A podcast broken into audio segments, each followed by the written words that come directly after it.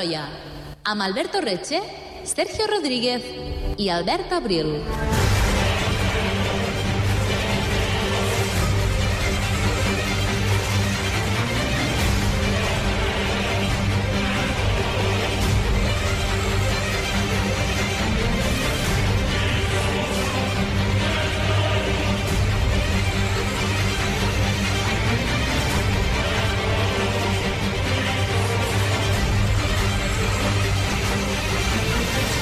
Després de la Guerra d'Espanya, després d'anys de violència i de destrucció dels mecanismes democràtics de la Segona República, el franquisme es va veure obligat a legitimar el seu poder, a crear un nou discurs de consens social que impregnés a tota la població.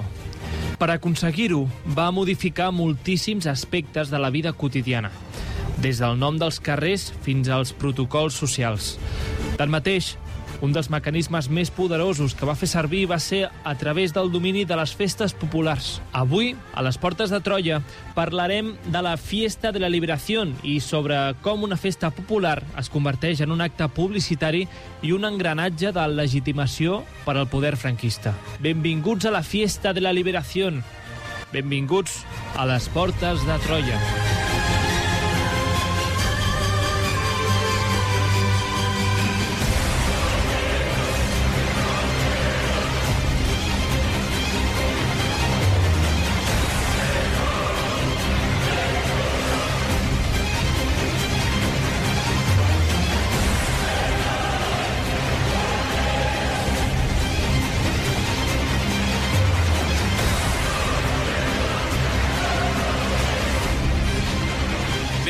I benvingudes una setmana més a les Portes de Troia, el programa de ràdio d'història de la xarxa de comunicació local des dels estudis de Ràdio Castellar i per totes aquelles ràdios de la xarxa que ens programin a les seves graelles i també disponible a través de podcasts amb els uh, suports habituals, a Spotify, iVox i altres. Uh, en, la, en el programa d'avui, 395, parlarem de la Fiesta de la Liberació, i ho farem amb el nostre historiador de capçalera.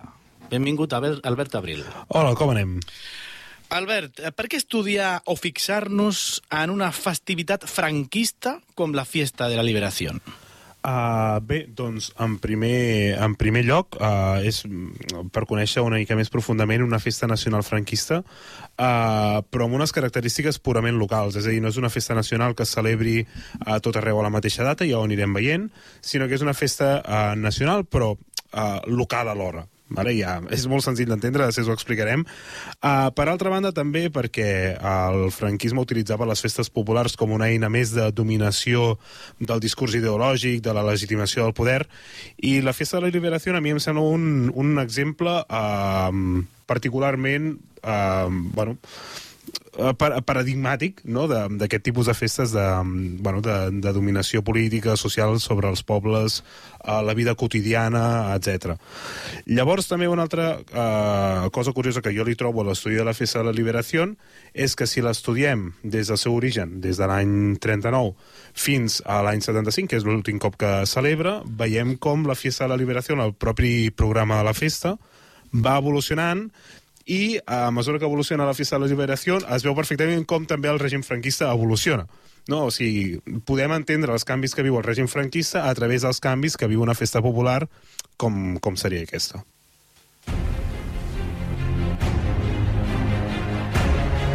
Segueix-nos a facebook.com barra Portes de Troia o a Twitter arroba Portes de Troia. Descarrega't el podcast des d'iBooks o iTunes.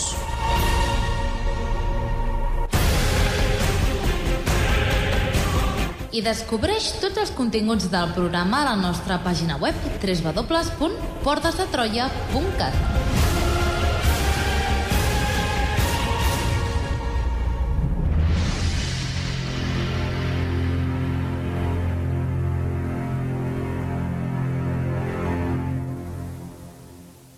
Ja ha passat tot un any sencer des d'aquella nit de bogeria. Ai, quants cops la recordaré per tornar-hi tot ho canviaria. No podia esperar-te més, la impaciència per dins em menjava. Vaig agafar el cotxe corrents i et vaig anar a buscar a la teva plaça. Vaig agafar el cotxe corrents i et vaig anar a buscar. Mm, ara, ara ve la tornada? Ara, ara Ai, just ara ve la tornada. Vinga, que és divendres, som-hi! Som-hi, festa major. Uh, no, en fi, hem posat aquesta, he posat aquesta cançó de, de Buos, que precisament es diu Festa Major, que és de quan Buos molava, o almenys a mi m'a- m'agradava, que potser fa uh, 10 anys d'això, ja fa molt temps. Uh, L'he posat perquè, bueno... Ara trauran nou disc.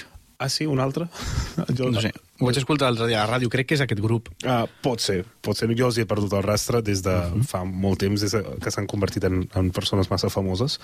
Uh, en fi, la idea de posar aquesta cançó és que, òbviament, no és una cançó que no fa pensar gaire en la festa de la liberació que es celebrava durant el franquisme, no? perquè convida així l'ambient festiu de festa major, etc. Mm -hmm. Però a mi també em fa pensar una miqueta que la festa de la liberació era una espècie de festa major de, durant el franquisme, no? ja que era una festa local, cada poble tenia la seva data, etc. I llavors, doncs mira, quina millor manera, no? quina altra manera de començar el, el Doncs sí. programa que amb aquesta cançó. Molt bé, doncs comencem el programa. Uh, un aclariment, ja, ja hem explicat, eh, amb la pregunta introductòria, però aleshores la fiesta de la liberació no té res a veure amb quan Joan Laporta es descorda el botó de la camisa, no? Uh, no, uh, de fet, jo penso que és una liberació uh, menys, bueno, més metafòrica que, que aquesta, perquè aquesta és, és molt literal, no? Uh, en fi, uh, la fiesta de la, de la, no, de la aliteració uh, de la liberació és una festa que ja hem dit que és uh, local i nacional, també uh, perquè és una festa que celebra a tota la nació espa espanyola, a, to, a tot el territori franquista, però cada poble celebra uh, una data diferent. Per exemple, jo vaig tenir l'oportunitat d'estudiar al cas de Sant Celoni, i al cas de Sant Celoni uh, sabem que celebrava entre el 31 de gener i, i l'1 de febrer de cada any. Clar, la Fiesta de la Liberació és com la gran majoria de les celebracions fra- franquistes, que és una, bàsicament una commemoració. Uh, en aquest cas, dirigida al dia en què cada localitat va ser alliberada, entre moltes cometes, no? per l'exèrcit sublevat de, bueno, del terror republicà.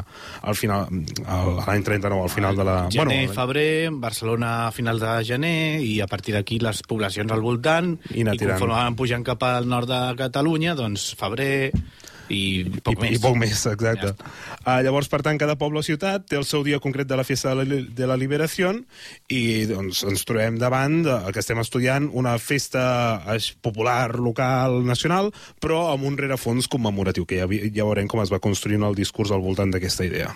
Uh -huh. Aquí la pregunta al guió és que em grinyola una mica. Com ens podem acostar a aquesta festa? Jo no sé si em vull acostar a aquesta festa gaire. Històricament, Sergio, Històricament... com ens podem acostar com històricament? Com, ara sí, com ens podem acostar històricament a aquesta festa, Albert? Doncs agafant-me la mà i acompanyant-me en aquest programa que podem fer amb veu molt fluixeta. Això és AS- ASMR. Avui ho he descobert, això. Ho he, Avui en Sergio ha descobert que és la CMR. No tenia ni idea. Però bueno, aquí, per això estem, per aprendre coses noves. Um, Comparteixo amb la resta dels nostres oients. Ja fem aquest petit, aquesta sortida de, del tema, no? Què és això de ASMR? no, no, és que no sé ni què volen dir les sigles. Jo, jo sé que existeix, sé Va. que és. L'Adrià Tirado, segurament, el nostre tècnic, uh, segur que sap moltes més coses d'això que té, molt, nosaltres. té molt carrer. té molt més carrer que nosaltres. Uh, uh, segur que en sap més. Vull dir, jo, jo no sóc qui per explicar-te què és això de gent xiu-xiuejant, parlant fluixet i menjant coses cruixents i fent soroll per relaxar-te. Però això és una moda, no? Uh, sí, de fet, bastant... Bueno, jo crec, des de la meva perspectiva de persona que no sap gaire d'aquestes coses, jo crec que va estar més de moda fa un any, Ahà. dos anys, alguna cosa per dir. Ens, ens va perfecte per parlar de la festa de la liberació. Ens va perfectíssim. Uh, no és que vulgui comparar la CMR amb el franquisme, però, bueno, pitjors coses han passat per comparar el feixisme amb el PSC. I llavors, doncs...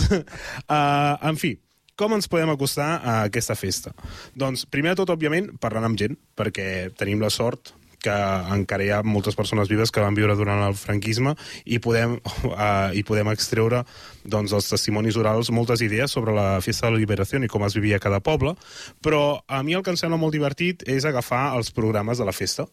Igual que ara actualment les festes majors tenen el seu programa, eh, sigui digital, sigui físic, que te'l posen per sota la porta o a la bústia a casa, eh, doncs en aquella època també hi havia programes de festes o, mm -hmm. o cartells publicitaris de les festes, i llavors jo penso que la manera més divertida, no?, és eh, anar a l'arxiu del vostre poble, si, si us ve de gust l'aventura, i endinsar-vos en els pamflets o en els tríptics o en els programes de la Fiesta de la Liberació i veure quins actes eh, s'anaven bueno, s'anaven fent a cada, a cada una de les festes i com van variant aquests actes al llarg dels anys, perquè no són els mateixos els actes que celebren a l'any 39, a l'any 40, que els, el, que els que celebren a, a l'any 75. Veurem, a aquest programa també ens dedicarem a veure una miqueta a, bueno, a aquesta evolució de la, de la, dels actes de la, de la pròpia festa.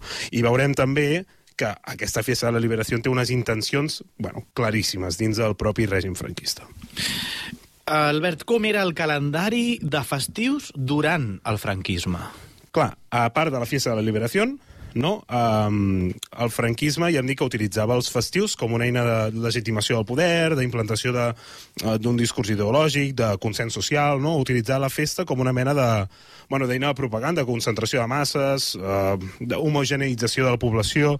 Ja en anirem parlant, ja desenvoluparem una mica més tota aquesta teoria més de, del poder i de la dominació, però el calendari de festius del franquisme era bastant extens. Vale? Jo, si ara, si us sembla, fem una mica de, de llista perquè ens fem una idea del calendari, no? Uh -huh. uh, la, la, o sigui, in, uh, en aquest cas faré el calendari de, en el cas de Sant Celoni, Clar. però que sapiguem Ens hem de fixar en algun lloc i ens fixem allà on ets tu. No? Exacte, exacte. Sal, un, un, sal, una salutació per tota aquella gent de Sant Celoni que ens Que escolta. escolta. Tenim un veí il·lustre, com és l'Albert Abril, il·lustríssim veí de Sant Celoni. que ara pues, repassarà com eren les vostres festes durant gairebé Franquistes. 40 anys. Mhm. -huh. eh? Fixeu-vos. Uh, vale, per una banda, o sigui, uh, que, o sigui que, que consti que l'única data que varia d'aquesta llista és precisament la Fiesta de la Liberació. Per tant, els altres pobles tenien exactament aquest calendari, però la Fiesta de la Liberació canviava de data segons quan l'exèrcit nacional entrava al poble o no. Llavors, en el cas de Sant Celoni, comencem l'any, la primera festivitat de l'any és la Fiesta de la Liberació, del 31 de gener a l'1... Ah, també que consti que m'estic saltant totes les, les festivitats religioses. Eh? Estic parlant pròpiament de les festivitats que implanta el franquisme de zero. Uh -huh. vale? Algunes les readapta, després en parlarem, però estic parlant de les, de les pròpiament franquistes. Fiesta de la Liberació, del 31 de gener a l'1 de febrer. Llavors tenim la Fiesta de los Mártires d'Espanya, que és el, el 10 de març, que és una festa que ja tenia, el, uh, o sigui que té el seu origen uh, durant les guerres carlines, instaurada el 1396, uh, com a Fiesta de los Mártires de la, de la tradició. Llavors tenim la Fiesta de la Victòria, que òbviament és el dia 1 d'abril, que celebra el final de la Guerra Civil Espanyola amb la victòria franquista, és del 1939. El bando és a dia de hoy com ara allò. Uh, bueno, el parte de guerra, no? Part- Ja, després l'escoltarem, el parte de guerra. correcte. Um, després tenim el dia de la unificació, que és el 19 d'abril, que és la inauguració de la de Feti de la Jones, el 1937. Després tenim el dia del alzamiento nacional i, la, i fiesta de exaltación del trabajo, que aquí eh, el que fa el, el règim franquista és fer una petita readaptació del dia del treball o del, del treballador i es celebra el dia 18 de juliol, no? I és, és un, o sigui, es celebra el 18 de juliol del 1936, que és el dia de bueno, òbviament el dia de l'alzamiento. Um, llavors tenim el dia del caudillo, que és uh, l'1 d'octubre, que és quan uh, Franco és proclamat generalíssim dels exèrcits de terra, mar i aire. 1 d'octubre, eh? Hòstia, Hòstia. no m'hi havia fixat en això. eh? Res de celebrar, no? R 1 d'octubre, eh? Sí, sí, sí. Bueno, uh, ja, ja ens entenem. Ja ens entenem, ens entenem. Com o no, el dia de la raza, el, el 12 d'octubre, que s'ha anat transformant, no, el dia de la hispanitat, el dia de la raza, uh, etc que, uh, òbviament, el que fa és commemorar el descobriment d'Amèrica per, el descobriment d'Amèrica per part del Colom del 1492, que és una celebració vigent a Espanya des del 1918, segurament, m'he equivocat aquí posant el número al guió, però deu ser 1918 o alguna cosa per l'estil. Segons el guió, és l'any el guió. 19.183. Fantàstic, molt bé, Albert. Um, llavors tenim el Dia de los Caídos i Dia de la Fe, que és el dia 29 d'octubre, que és el dia de la, fundació, de la Fundació de la Falange Espanyola, del 1933, i finalment el Dia de Luto Nacional, el 20 de novembre, que és amb la mort de José Antonio Primo de Rivera, el 1936. Què passa amb les festes populars o d'origen republicà o, o que ja hi havia anteriorment a la instauració del règim franquista i què passarà també amb les festes religioses, Albert? Clar, com ja hem dit, les, la llista de festes que hem fet aquí no, no inclouen les, les típiques festes religioses ni, ni, ni altres que celebraven durant el període republicà o anterior, no? Uh, clar, la majoria de les festes d'origen religiós, com que tenen sentit dins del discurs franquista, s'adapten i es transformen una miqueta, i inclús se'ls dona una retòrica que encaixa perfectament amb el règim franquista. Uh -huh. Algunes festes locals, sobretot patrons de pobles, etc, el que fan és quedar subjugades no, dins el, el mecanisme aquest de legitimació a través de la festa que té el franquisme. En canvi, però, totes aquelles festes que mancaven d'un rerefons eh, catòlic o, o nacionalista espanyol o, o nacionalista franquista, és a dir, que no encaixaven amb l'ideari de, de Falange, la gran majoria són eliminades o substituïdes. Per exemple, el que dèiem abans, no? el Dia del Treballador, eh, l'1 de maig, s'elimina la festivitat durant la... O sigui, ja durant la Guerra Civil s'elimina la, la festivitat a la zona nacional, controlada per als sublevats, i un cop s'instaura el franquisme es recupera la idea aquesta del, del treball, però amb un gir eh, amb un nou sentit religiós, no? eh, més, eh, més franquista, i se li dona un nou dia, que és el Dia del Alzamiento Nacional, i Fiesta de Exaltación del Trabajo, que és el 18 de juliol, no? Ja amb un altre sentit. No és, no és el Dia del Treballador, sinó que és la exaltació del Trabajo, no? Per la nació, el treball... Bueno, eh, no cal anar més enllà, però perquè ens fem una idea. Uh, veiem no, que dins de tota aquesta retòrica, dins de totes aquestes transformacions, la, la festa popular es converteix literalment en, en propaganda del règim. I aquesta apropiació mm, de la cultura Uh, passa també en algun altre àmbit de la vida quotidiana? Sí, de fet, això és, és, és un clàssic, no? Quan hi ha un canvi de règim, un canvi de, tan radical d'ideologia com podria ser um, l'any 36, no? quan um, les milícies anarquistes o comunistes prenen control de certs pobles, o, o l'any 39, o a mesura que les, el, el territori nacional va, va avançant, és molt típic que els primers canvis que es facin és a la vida quotidiana de les persones, per, bueno, per la idea aquesta de, de crear un, un, un marc mental nou, una legitimació nova del poder. Uh, per exemple, um, el 36 per exemple, és molt típic que uh, els carrers dels nostres pobles canviessin de nom. Les places amb noms de sants, els carrers amb noms de sants, passessin a dir-se Avinguda Karl Marx, uh, carrer Durruti... Uh, 14 d'abril, la el, el 14 d'abril, etc. Alcalá no? Zamora... Vull dir, uh, és molt, molt, molt típic, inclús els noms dels pobles. Per exemple, Sant Celoni, el 36 es deixa de dir Sant Celoni i es comença a dir Baix Montseny, no? Els noms aquests uh, religiosos, doncs és molt típic que canvin en aquests canvis de règim, d'ideologies, etc. Doncs passa exactament amb la instauració del franquisme. A mesura, a la Guerra Civil, a mesura que els sublevats van conquerint territoris, de les primeres coses que fan és fer aquests canvis en la vida quotidiana de les persones. Doncs canviem el nom dels carrers, canviem el nom dels pobles, canviem el nom de les festivitats, canviem, girem el calendari, no? Uh, perquè és crear tot un marc, no? destruir el marc anterior, que era el marc republicà, aquest marc de disbauxa, roja i desordenada, i instaurem un nou marc ordenat dins el, uh, el nacional-catolicisme, uh, però és, és una coseta que ja va passant durant la guerra i finalment quan s'instaura el franquisme definitivament a tota, la, a tota Espanya eh, és una cosa que bueno, té eh, el carrer que es deia a Avinguda Cal Marx es comença a dir Avenida del Caudillo o la plaça de, de la Victoria o del Generalísimo o Calvo Sotelo o, o Primo de Rivera o, o la plaça de los Caídos mm. no? que de fet, eh, bueno, després, després en parlarem si cal però, per exemple, la plaça dels Caiguts és una plaça que tenen gairebé tots els pobles on hi, ha, hi havia o, o ja, espero que no, el, bueno. el, monument, el, monument del, el monument dels caiguts, on precisament a la Fiesta de la Liberació i a la gran majoria de les festes franquistes es feien homenatges i commemoracions. Mm -hmm. I, uh, Albert, poder molta gent s'està preguntant per què aquesta necessitat de controlar la vida quotidiana fins a aquest punt, eh, i, i en aquest cas uh, a través de la gestió dels dies festius? Bé, és una necessitat que es deriva, uh, clar, és, venim d'una guerra, no? Per tant, hi ha una necessitat de controlar la població mitjançant poder, eh, dogmatització, unificació i totalització de, de la festa tant a la zona republicana com a la, com a la sublevada. Llavors, el fet d'usar la festa com una de dominació o d'adquisició de poder legitimador, com, com li vulguem dir una miqueta, eh, arriba al seu punt àlgid en aquest sentit durant el fr franquisme. Clar, llavors, la festa es plantejarà al servei d'un poder i d'una ideologia concreta. És a dir, la festa serveix per legitimar aquest poder. Uh, llavors, per què? No?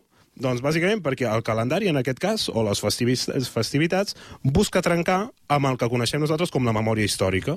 La memòria històrica d'allò antic. en aquest cas, què és allò antic i que volem superar? Doncs, òbviament, la Segona República. A part, també es basarà en la dramatització de la, de la vida col·lectiva i buscarà la generació d'una identitat afina, no? ja, ja ho hem anat dient, no? a la naturalesa del règim. Mm -hmm. Clar, això el que fa és portar cap a la dominació eh, simbòlica a través de la festa. Allò que Foucault, no, um, l'altre dia preparant, preparant el guió, em sorprèn a mi mateix perquè menciono Foucault dos cops en el, en el guió i és un tio que em posa molt nerviós, però no passa, no, no passa res. Fa, Foucault seria, per exemple, el típic personatge que seria que faria ASMR. Uh, podria ser-ho, però no t'entendria. O sigui, i et faria SMR i acabaries plorant perquè no... O sigui, ho, ho entendries i et, i et, i et sabria greu entendre-ho. O sigui que seria un SMR a poc productiu. Uh -huh. Bueno, allò que Foucault que anomena la, la, micro, la microfísica del poder, no? Però això ja és, és un altre tema. No donaria per un programa, això, oi? Uh, podria donar per un programa, però crec que no, no tinc ganes. O sigui, donaríem per un programa, volia dir, però no, però no el faries. Exacte. Llavors, en aquest context, el règim franquista sap molt bé com domesticar la festa. Domesticar la festa. Sí, és una, una expressió bastant, uh, bastant curiosa, no? Es tracta d'agafar el que abans eren les festes populars, autogestionades, de consens col·lectiu, de trobada, de diversió, i convertir-les en actes igual d'importants a nivell popular, però d'una rigi- rigidesa extrema, no? O sigui, Tot el contrari del que havia, hauria de ser una festa. exacte, i aquí tornarem després, Sergio. O sigui, una Aquí- aquí festa, tornarem. una festa rígida. És, és, és, és horrible. De fet, m'agrada molt que facis aquest, aquest comentari perquè hi ha molts autors que diuen però què està passant aquí? Això no és una festa, és una antifesta. Mm. I després parlarem del concepte Molt aquest. interessant. Ho deixem per més endavant. Ho deixem per més Perquè endavant. no marxeu d'aquest programa. Exacte, perquè ens agrada mantenir-vos enganxats a la Per ràdio. tant, el poder va domesticant la festa. Això m'ha quedat claríssim. Exacte. Uh, llavors és això, no? la idea de convertir-los en actes populars uh, superimportants, però molt rígids uh, a nivell d'obligatorietat d'assistència, obligatorietat moral d'assistir-hi, etc. Clar, el poder domestica la festa, no? S'evita el desordre i la disbauxa tan característiques, no, el desordre i la disbauxa tan característiques de la Segona República. Llavors, el calendari de festivitats esdevé un complex engranatge de legitimació que representen totes les festivitats en època franquista. Um, clar, el, el franquisme, en el seu origen, bueno, el seu origen i durant tota la seva, bueno, durant tota la seva vida requeria d'una base nacional catòlica molt potent per poder sustentar-se i justificar-se. I precisament utilitzar les festes populars, que és una eina de consens, de trobada, de, de col·lectiu, de, de socialització, és una eina potentíssima no per, eh, bueno, per garantitzar-te aquesta base. Llavors, eh, el fet de domesticar la festa es tracta d'un sistema nacionalitzador que consistia en recordar molts cops l'any que Espanya era una, catòlica, dominada per Franco i pel partit únic. I eh, que, òbviament, estava regida pels principis de la falange i jerarquitzada eh, de manera molt orgànica. I, aviam, la gent que anava a aquestes festes rígides, com hem dit, uh, s'ho passava bé i anava en aquestes festes? Uh, o, uh, clar, si no anaves, què passava? Uh, si no anaves, què passava? Molt bona pregunta. Després parlarem de la ob- obligatorietat no, d'assistència en aquestes festes. Per tant, la gent gaudia d'això o no? Clar, depèn, no? Sí i no. Um, són festes, i és les úniques festes populars que, que hi havia en aquell moment, que estaven permeses, uh, almenys a nivell oficial. Llavors, són festes, igual que molts altres elements de la societat, la festa es va convertir en un mecanisme d'enquadrament de la societat, uh, però la gent hi assistia i la gent, òbviament, hi, hi disfrutava. Um, clar, en aquest sentit, la festa es converteix en un element principal per les estratègies de, de la dominació.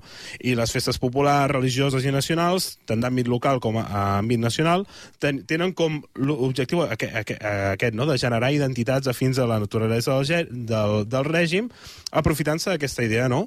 Uh, la gent necessita festes populars, la gent necessita ambients de socialització, la, la gent necessita divertir-se, passar-s'ho bé, uh, socialitzar, encaixar dins la societat que s'està, d'una nova societat que s'està generant. Estem parlant d'una festa, d'una festa franquista, però el franquisme és el que hi ha en aquell moment. Per tant, la festa de la liberació no deixa de ser una festa major més, per tant, la gent hi va i la gent s'ho pa- s'ho passa bé. I veurem, però, que hi ha controls d'assistència, etc. Vale? però això ja ho comentarem més tard. I quin és el resum que podem fer de tot plegat?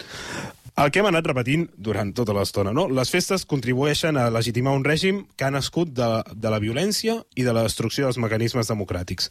En altres paraules, el règim franquis, franquista va saber utilitzar les commemoracions de forma molt activa i amb una clara voluntat d'obligatorietat per la ciutadania per a la ciutadania per erradicar el que s'ha anomenat la memòria històrica, que ja, ho- ja ho hem dit abans. I, per tant, la majoria de les festivitats franquistes eren actes publicitaris que tenien com a objectiu fi afiançar i legitimar el règim, potenciar un nacionalisme basat en l'Espanya catòlica per antonomàsia la base de l'ideari del nacionalcatolicisme proposat per Falange Espanyola tradicionalista i de les Juntes d'Ofensiva Na- Nacional Sindicalista i la Fiesta de la Liberació no és una excepció de tot aquest gran engranatge. A les portes de Troia, la història a la ràdio. Descobreix tots els continguts del programa a www.portesdetroia.cat.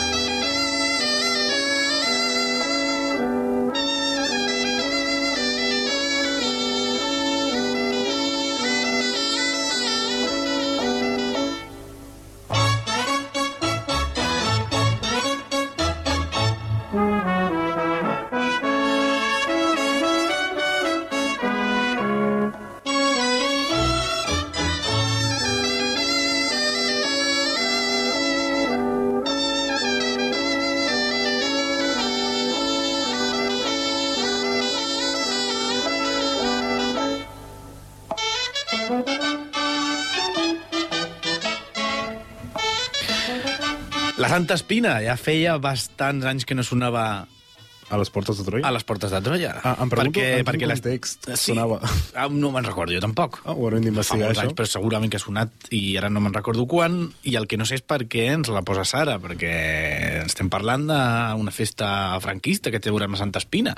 Uh, exacte. Què té a veure la Santa Espina, és a dir, les sardanes, no? amb, amb, una, fe amb una festa franquista? Doncs precisament uh, una cosa que crida moltíssim de l'atenció de les festes franquistes, i ara en aquesta segona part del programa ja veurem, ja desgranarem una miqueta més com era aquesta festa de la liberació, és que precisament uh, manté, conserva i explota un element tan català com seria la, la sardana.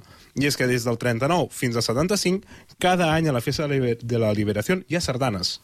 Eh? Ja anirem analitzant una miqueta per què, no? com evoluciona el tema, amb quin objectiu ho fan, etc. No, ho deixem per més endavant, també, no? Sí, però poquet, perquè d'aquí res ja comencem a, a desgranar a poc a poquet la fiesta. Val, I amb tot això que hem vist fins ara, en aquest, en aquest programa, sembla que la festa deixa de ser una festa.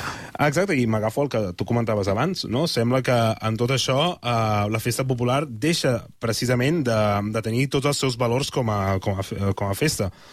Quan el, tendeix, eh, quan el poder franquista eh, polititza i controla la festa, la, la priva de tot el que, sentit que se li atorga, no? des de la vessant aquesta més antropològica de relació social, de reunió, de trobada, de, un espai de, de llibertat, de, de fer els ulls grossos, un espai de disbauxa, de passar-s'ho bé.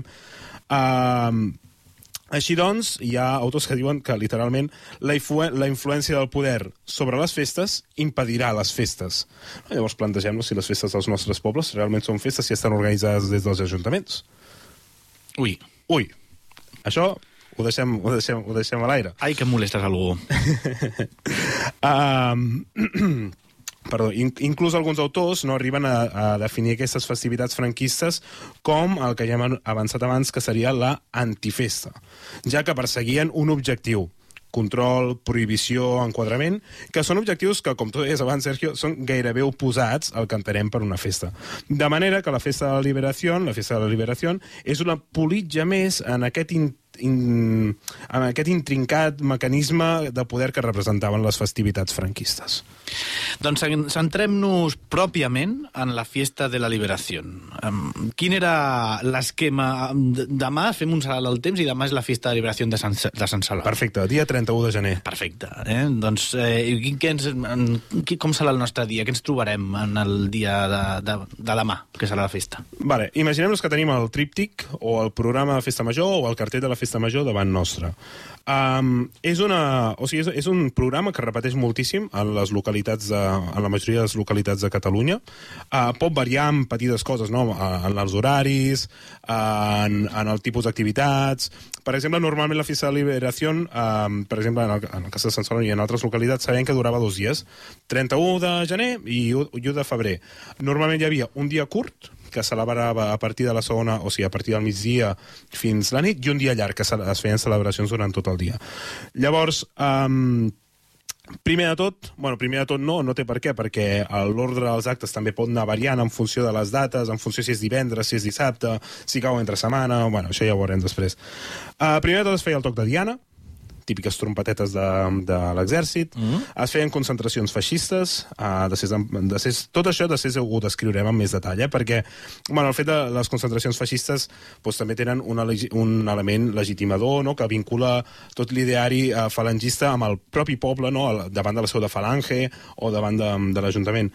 Es llegia, òbviament, el parte de guerra, es feia el cant dels himnes patriòtics habituals, es feia una missa de campanya, una missa a l'aire lliure perquè, assistís, eh, perquè hi pogués assistir més gent, mm -hmm. es feia l'acte d'afirmació del nacional-catolicisme, eh, desfilant sobretot pel centre del poble. I si podia ser desfilant seguint la ruta que va fer l'exèrcit quan va, entre moltes cometes, alliberar a la població de la Segona República, es ballaven sardanes, es feien balls regionals, es tiraven coets, hi havia el repique general de campanes, és a dir, que hi havia un moment que sonaven totes les campanes del poble, Uh, es, es tocava la sirena, més repiques de campanes, sobretot això es feia just a l'hora que se suposa que les tropes franquistes van, a, van entrar a la, a la localitat. Uh -huh. uh, es feien tot de... Bueno, celebraven tot d'elements lúdics, no? Perquè es feien balls populars, partits de futbol, teatre, pel·lícula, partits de tenis taula, partits de, de bueno, ping-pong, que és exactament el mateix que el tenis taula. Uh, I amb això s'acabava una miqueta tot el, bueno, tot, tota la festa de la liberació. Uh, podria, bueno, ja ho hem dit, no? Ja podia durar un parell de dies, un de, un, un de curt i sobretot de ser un de llarg. Això és un festivalón, eh? Déu-n'hi-do. Podria ser una festa major del, 2020, del 2023, sí. Um, doncs eh, repassem una miqueta cada un de tots aquest eh, nodrit um, programa d'actes. Uh, Som-hi, jo descriuré... Uh, o sigui, es- estic sent pesat, no és que m'estimo... O sigui, no. a veure, m'estimo molt Sant Celoni, però com Passa que és, res. és el cas que he estudiat, llavors la majoria dels pobles l'esquema és molt similar uh, i els actes també són similars. Uh, començo, si us sembla, per al repique general de campanes i retoque de sirenes. Clar, és, és un acte que celebra a cada festa de la liberació en el cas de Sant Celoni a dos quarts de sis, no? a les cinc i mitja de, de la tarda. Preferiblement, i dic preferiblement perquè al llarg de l'evolució de la festa de la liberació cada cop seran menys fidels amb les dates, que això també ens indica molt de com aquesta festa es va desvirtuant i va perdent una mica d'importància, el 31 de gener. Llavors, aquest repique general de campanes i retoque de sirenes eh, commemorava i recordava l'hora exacta en què van entrar les tropes colpistes de Sant Celoni l'any 39. Es basava en fer tocar totes les campanes del poble, les alarmes, en el mateix moment ta- també tirar coets, com fent un acte així bastant espectacular, perquè tothom s'adonés que en aquell moment, feia eh, no sé quants anys, de l'any 39, eh, és quan van entrar les tropes franquistes a, en el poble. Llavors, aquest acte, eh, depèn de quin any, no? això també veiem que és una cosa que a mesura que avancen els anys és una cosa que va disminuint, eh, anava acompanyat de desfilades o cercaviles eh, que resseguien el recorregut que feren les tropes sublevades quan van alliberar el poble. Inclús, en algun, algun any també s'havia donat que es feia algun simulacre, no? O sigui, s'intentava imitar exactament com les tropes franquistes, vestits també d'exèrcit, vestits de, com anaven vestides les tropes franquistes en aquell moment, exaltant no, tot el, el valor militar del règim i l'alliberament de, de los rojos republicanos. Mm. I uh, si ens dirigim en aquestes concentracions que estaves parlant, en què consistien exactament? Aviam. Jo penso que les concentracions en un inici de la celebració de, de la Festa de la Liberació eren l'acte més important i el, el més central i, el, i també el més punyent. Uh, en aquestes concentracions, sobretot, potser no el més important, però sí el més punyent, no? que és el que ens, ens pot xocar, ens pot sorprendre una mica més. També és dels actes que es deixa, fer, que es deixa fer abans, perquè uh, és on es reafirmen els valors feixistes i nacionalcatòlics d'una manera més militaritzada, no? més enquadrada perdoneu, avui estic fatal. Uh, i, I veiem com això, bueno, ja, ja ho hem dit, no? que és una cosa que es deixa de fer bastant aviat. Um, Aquestes concentracions es feien sempre durant el dia llarg i norma que normalment es, es, jugava no, perquè el dia llarg fos precisament a un dissabte. Uh, es reunien els falangistes, les forces de la Guàrdia Civil i de l'Exèrcit, um, si hi havia destacaments del poble o si venia un destacament precisament per l'ocasió, per celebrar l'ocasió de la Fiesta de la Liberació, i es reunien davant de l'Ajuntament o del local de, la, de Falange. Allà eren rebuts per les autoritats locals, feien homenatge a la bandera i es feien els, els crits rituals per celebrar no, la unitat, el militarisme, eh, l'ideal de falange, etc. Clar, l'objectiu de tals concentracions era el de crear la sensació d'unitat, de massa i d'homogeneïtat, i a part de que tothom presenciés, o, o si a part, o sigui, un altre objectiu és que tothom sigués allà per veure la força aquesta de la Unió que representava el partit únic, l'ideal de falange, etc. I aquestes concentracions s'aprofitava per, per dur a terme altres actes? Uh, sí, de fet, es feien diversos parlaments de, de, representants, de representants locals i molts cops també de representants provincials de Fet i de les Jons i es duien a terme altres actes, com per exemple es cantaven els himnes nacionals i patriòtics, habitualment el Cara al Sol, l'himno himno nacional, etc. Les autoritats locals eh, religioses eh, beneïen les banderes davant de tota la població assistent i, òbviament, era el moment de llegir eh, llegir l'últim comunicat de la Guerra Civil, l'últim parte de guerra, que l'objectiu radicava en la, bueno, un altre cop en la, en la retòrica franquista. En el día de hoy, cautivo y desarmado el ejército rojo, han alcanzado las tropas nacionales sus últimos objetivos militares. La guerra ha terminado. Aquest senyor crida molt, eh? Aquest senyor crida molt, i, si, i més si t'agafa així de, de sopetón. Molt bé. Abans has mencionat que hi havia balls i música. Mm, No acaba de quadrar del tot amb aquesta tònica general, no? O sigui, allò el senyor amb la cara, amb, amb, amb la cara gris de falange amb, la, amb balls i música. Què passa aquí? Uh, sí, eh, sorprèn bastant, però després de tots aquests actes seriosos, commemoratius, religiosos, etc etc, uh, hi havia la típica festeta, sobretot al, al vespre nit. Uh, però al final és un altre cop, no? Compleix amb l'objectiu aquest de domesticar la festa. Per què posem festeta popular? Per què posem musiqueta? Per què fem balls populars? Doncs perquè, bueno, perquè la gent hi vagi, perquè la gent s'ho passi bé i que, perquè tinguin la sensació de que el franquisme doncs, els està donant llibertat, espais de socialització, etc. Llavors, al final són actes populars amb la intenció de recuperar la idea de festa clàssica, o almenys crear-ne una, una il·lusió. Era un espai on la gent havia d'anar a divertir-se, normalment es celebrava les nits, eh, tant el dia de la... però això ens hem de fer una idea que era o sigui, la, la nit de, la, de les dos dies de festa. Uh, i a més a més també funcionava com a mode de clausura de la festivitat. Uh, després d'aquests balls, després de- d'aquesta festeta normalment es projectava alguna pel·lícula es feia una obra de teatre Um, a Sant Celoni, per exemple, es podia fer o a l'Ateneu, al Centre Popular o al Saló de, de Recreo, d'això depèn molt. Jo, jo sempre m'imagino aquests concertets, aquests balls populars, com el típic concert de tancament de festa major, que és un concert que ha de ser eh, bastant apte per tots els públics, a una diversiones, metropol, alguna cosa així, posa un concertillo d'aquest estil. Uh -huh.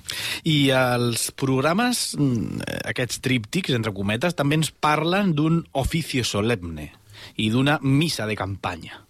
En què consistien? Doncs exactament això. L'oficio solemne era una missa commemorativa, eh, d'un caire molt més seriós, eh, més lligat a, al, al fet militar, i que cada, que cada cop és, és un acte que veiem en els programes que et van dient no, i serà un oficio solemne cantado. És a dir, és una, és una cosa que comença sent uh, un ofici solemne molt seriós, amb molta retòrica darrere, amb un discurs molt consolidat darrere, i cada cop, sobretot a partir dels anys 50, 55, uh, comença a esdevenir una missa més, més aviat cantada. Llavors, la missa de campanya és un ofici religiós que uh, es fa sobretot, bueno, es fa a l'aire lliure, bàsicament amb, amb l'únic afany de concentrar encara més població uh, que en una missa uh, de parròquia. De fet, la missa de campanya és una cosa que també es deixa de fer uh, bastant aviat. I Albert, eh, intervé en tot aquest programa i en tota aquesta festivitat, intervé d'alguna manera el monument, el monumento a los caídos que hi havia en tot municipi? Uh, de fet, com ja hem avançat abans, el monument a los caïdos o la plaça dels caiguts, o com li vulguem dir, és un element que és central en totes les festivitats commemoratives de, del franquisme.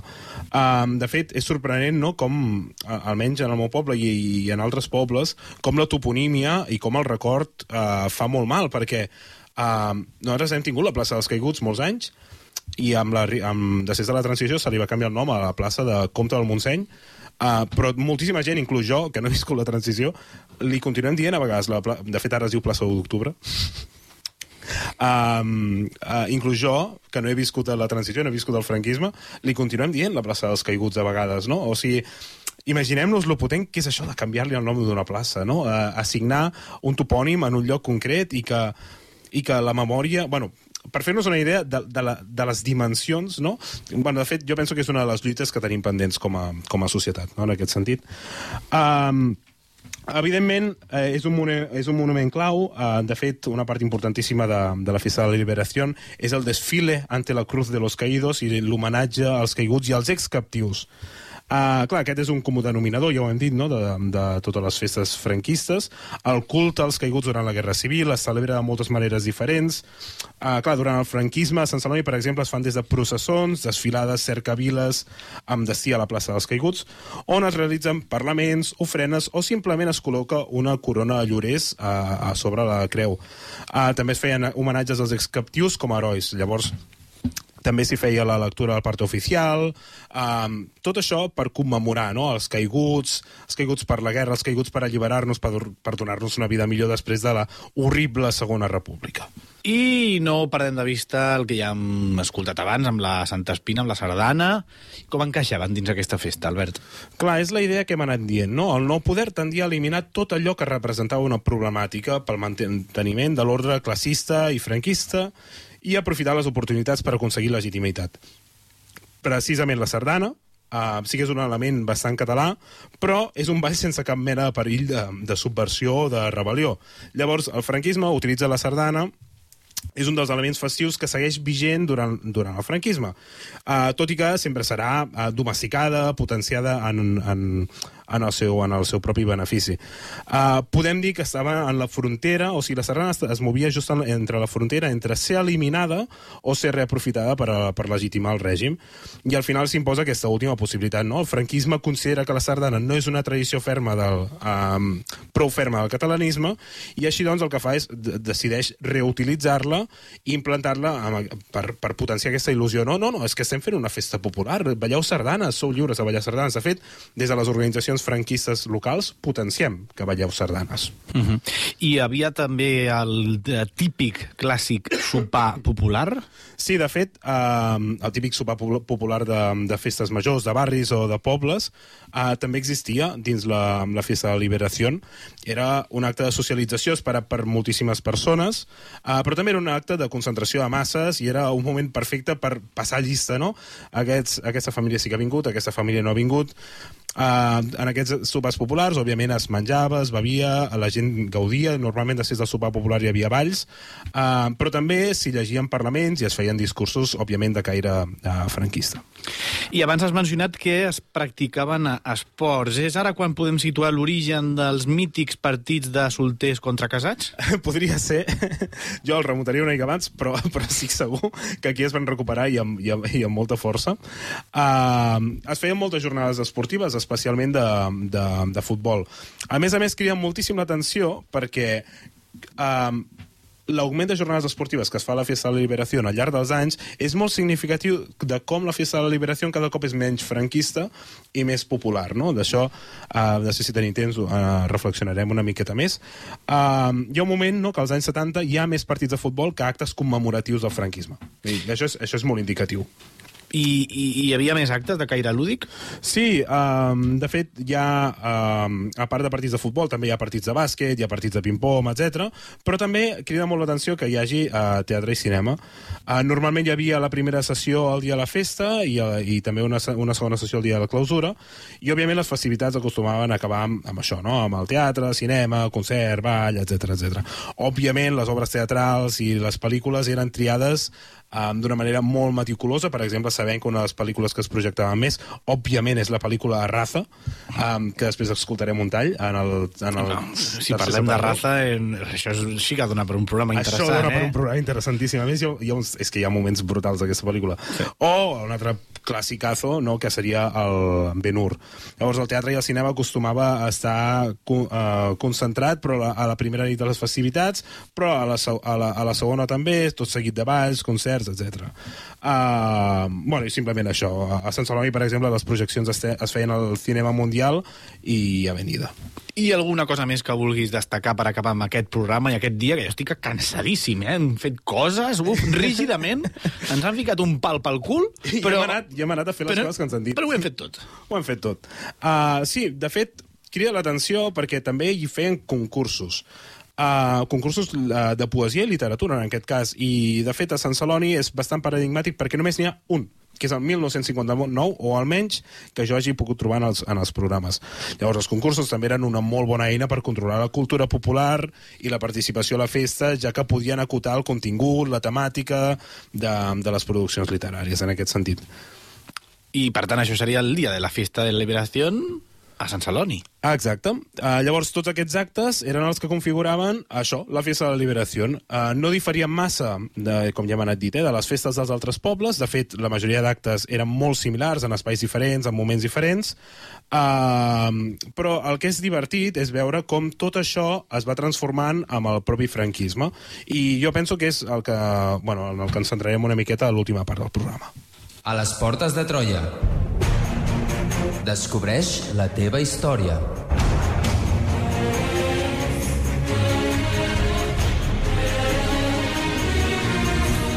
Troba'ns a facebook.com barra Portes de Troia i a Twitter arroba Portes de Troia.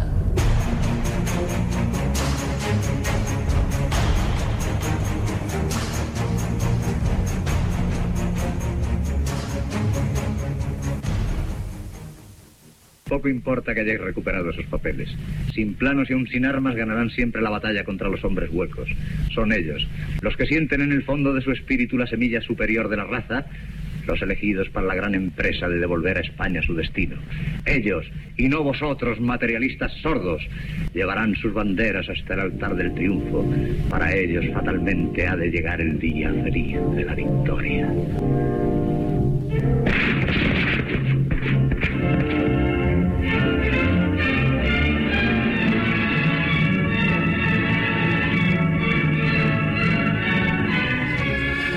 Los almogávares, Albert. Los Almogávares. Ara... Alberto, los almogávares, Alberto. Ara, de fet, ara dèiem no, que és una pel·lícula que de tant en tant s'ha de mirar per, per passar una bona estona. Uh, sí, perquè en Franco era guionista, eh? era un dels... Bueno, sempre es diu que és la seva gran creació. És la seva gran creació. Sí. Ja, i ja està. Els pantans i raza. Molt bé, recta final del programa de Portes de Troia dedicat al Dia de la Liberació. Com rebia la població aquest programa de festes? Era obligatòria l'assistència de la població en aquests actes? De fet, diríem que la- l'assistència era, entre moltes cometes, recomanada.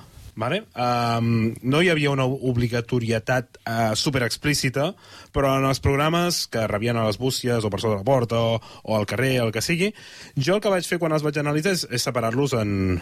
Uh, o sigui, les recomanacions d'assistència, jo les vaig separar en dues categories, no? Les recomanacions directes, que t'està dient, no, no, vine a la festa, vine als actes, i les recomanacions indirectes. Llavors, les recomanacions directes venen des de la jefatura local i recomanen que el lector, és a dir, l'habitant del poble, participi com és degut als actes de la festa. Com és degut. Com és degut. Així es donava a entendre que els vilatans tenien l'obligació moral de participar a les commemoracions dels caiguts, ja que gràcies a ells ara viuen en un país millor. No? O sigui, és que és la teva obligació moral anar a commemorar els caiguts a, a la guerra perquè gràcies a ells doncs, estàs en un estat més just, eh, catòlic, eh, regit per al partit únic. Eh, també s'afirma que tot aquell que assisteixi als actes està contribuint en el benestar de la nació espanyola i que que tu vagis en els actes també millora moltíssim la moral de la, de la població. Llavors, aquestes eh, recomanacions arriben a prendre un caire d'amenaça, és a dir, eh, amenaça o, o subversió, en el sentit de que s'espera de vostè no? que assisteixi en aquesta festa, uh, i això és molt més tangible en les cartes o les ordres de concentració dirigides ja a les autoritats locals falangistes. Uh, clar, les autoritats locals falangistes sí que tenien una obli obligatorietat directa d'assistir en aquests actes, havien de, de vestir de manera impecable, participar dels, de tots els actes, i havien de vetllar per la motivació i la participació, i inclús, uh, uh, depèn de quins anys, no? també fer una ullada, passar llista sobre quines famílies i, no, eh, i quines famílies no venien. Llavors, per altra banda, tenim les recomanacions indirectes, que que jo el que, el que faria és definir-les com una mena de manifestos d'implicació, no? Que en aquests programes hi havia com una mena de textos que apareixia, eh, bueno, que eh, afirmen que cap veí ha de mantenir la distància amb una festa que celebra una cosa tan gran i tan important per a la nació espanyola. Sempre, òbviament, fent referència a la possible situació de precarietat en la que s'estaria si la Segona República estigués governant encara. Llavors, eh, aquestes recomanacions més indirectes són textos més motivacionals, no? Eh, no t'està dient, s'espera de vostè, no, no s'està dient vés-hi perquè... Bueno, no, no s'es- no s'està dient vés-hi, t'està dient acosta't perquè és una, bueno, és una cosa important. Imagina't, imagina't que els caiguts no haguessin caigut per la pàtria i per l'alçament nacional. Què estaria passant ara en una segona república que estigués viva als anys 60, no? Per exemple, vull dir, imaginem-nos no, una miqueta aquestes pressions socials a l'hora d'anar-hi. Per tant, aquest programa era en si una eina amb molt de poder. Exacte, de fet, els programes físics uh, s'utilitzen com a e- pròpia eina de concentració de masses, uh, de discurs polític i de pressió social. Uh, tornem al concepte un altre cop de l'antifesta. Uh, aquestes festivitats franquistes en què la població estava sotmesa a tanta pressió, control i a tants esquemes, uh, seguien molt poc el sentit antropolo antropològic, original i de llibertat que tenien les pròpies festes populars. I aquests, progr uh, aquests programes amb aquests missatges amenaçadors i de recomanacions d'assistència en són un exemple més. I a tot això, i ja per anar encara al final del programa d'avui, com evolucionen aquests actes de la Fiesta de la Liberació al llarg del el règim franquista? Vale. Uh, evolucionen d'una manera claríssima. És a dir, podem observar com els elements més purament franquistes o feixistes, si volem, més purament de, de falangistes, polititzats, militaritzats, van desapareixent i només, uh, en, sobre, uh, només en sobreviuen tres fins al final de tot de la Fiesta de la Liberació, fins l'any 75, que són la lectura del, par del parte oficial, que això es manté fins al final, l'homen- eh, l'homenatge als caiguts i la missa. La missa, eh, la de campanya segurament no, sinó més la, la missa solemne. En canvi, eh, passa el contrari amb, amb els altres tipus d'actes. Els, van creixent en protagonisme tots els elements propis de la festa i no de l'antifesta, en aquest sentit. No? Comencem amb una antifesta als anys 40 i a començaments dels anys, dels anys, um, dels anys 50, i cada cop uh, aquests elements que, que suposen l'antifesta, no? aquestes concentracions feixistes, uh, aquests, com, aquesta commemoració als caiguts tan militaritzada, etc, es van alliberant cada cop més uh, en els programes de la Festa de la Liberació. Per tant, anirà desapareixent eh, la, simbologia, la simbologia feixista de les concentracions i de les desfilades? Sí, uh, de fet, desapareix o es dissimula i, i es redueix. I, de fet, això és molt, eh, bueno, és molt curiós de veure no, com... Um, o sigui, nosaltres sabem que el règim franquista viu una, entre cometes, una desfeixicització, no? una, a un moment quan, quan les dictadures feixistes d'Europa uh, cauen, no? doncs el franquisme busca encaixar en un marc de democràcies europees i deixa d'ostentar tants elements i tanta simbologia feixista. Llavors, a finals dels 50, començaments dels 50, les desfilades i els simulacres eh, comencen a desaparèixer, Uh, i tot el les concentracions amb simbologia feixista, amb càntics feixistes, etc, cada cop uh, són, són menys vius. I la obligatorietat d'assistir-hi també va en declivi? Uh, sí, exacte. De fet, cada cop uh, les recomanacions d'assistència són menys mm. i, de fet, també és curiós um, com el bueno, com la fidelitat de les dates, no? el 31 de gener al 2 de, al 1 de febrer, cada cop és, és més flexible. No? Uh, si cau entre setmana, doncs ja ho readaptem. Bueno, ens esperem al cap de setmana a poder-ho fer. Molt bé, i, i, i les, uh, els actes de caire catòlic mm, es mantenen en la celebració? Uh, sí, però perquè el règim franquista sempre es manté uh, purament catòlic. Llavors, el catolicisme és una cosa que, que, entra, bueno, que entra moltíssim en aquestes celebracions i serà des del 39 fins al 75. Llavors, el que anem veient um, amb els actes de la, de la festa és que, bueno, ja ho hem dit, no? que cada cop són menys franquistes i són actes més blancs, més, més, uh, més lúdics en aquest sentit, més pel·lícules, uh, no tan Ben Hur i no tan Raza, sinó que es comencen a projectar altres pel·lícules, uh, es fan obres de teatre diferents, no tan catòliques, no tan tradicionalistes, es fan molts més partits de futbol, es practiquen uh, altres esports.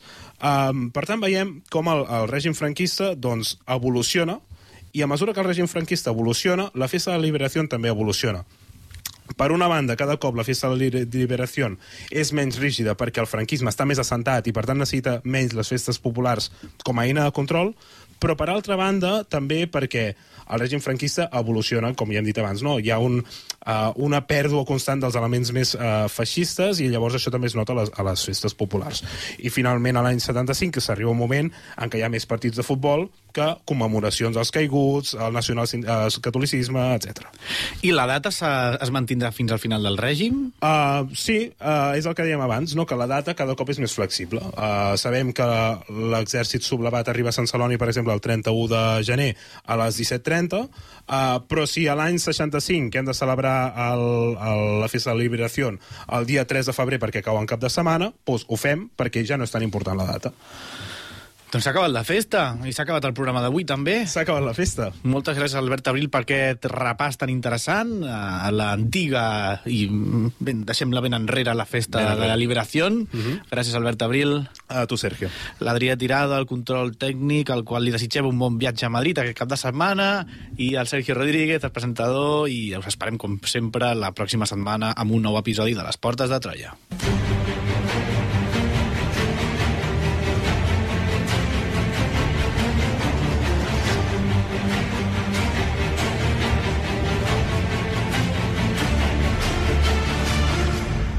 Les portes de Troia, amb Alberto Retxe, Sergio Rodríguez i Albert Abril.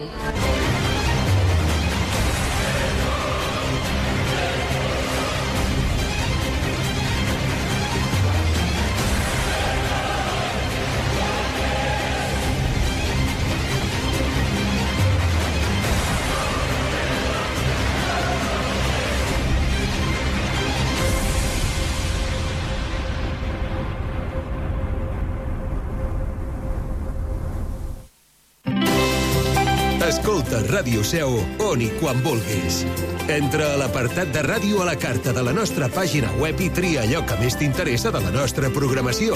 Els informatius, les entrevistes, els programes musicals, culturals i esportius, la programació especial...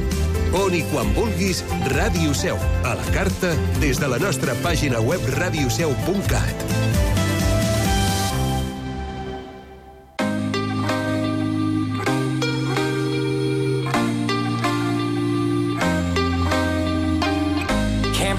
sleeping, keep on waking without the woman next to me.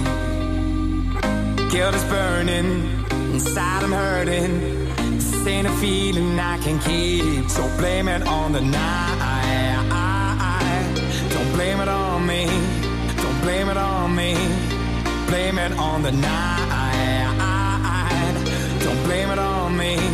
Don't blame it on me.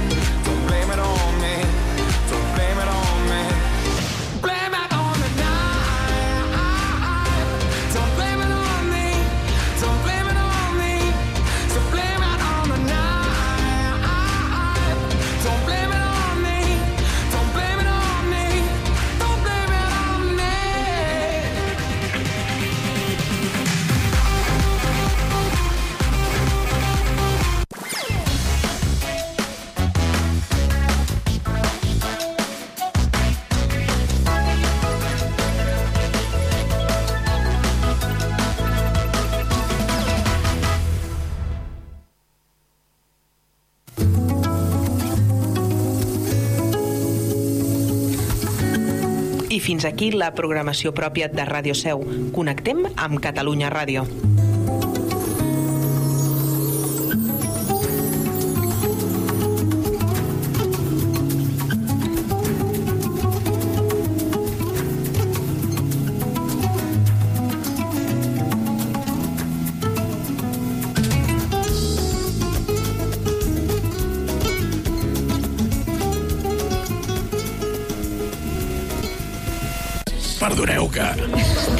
Perdoneu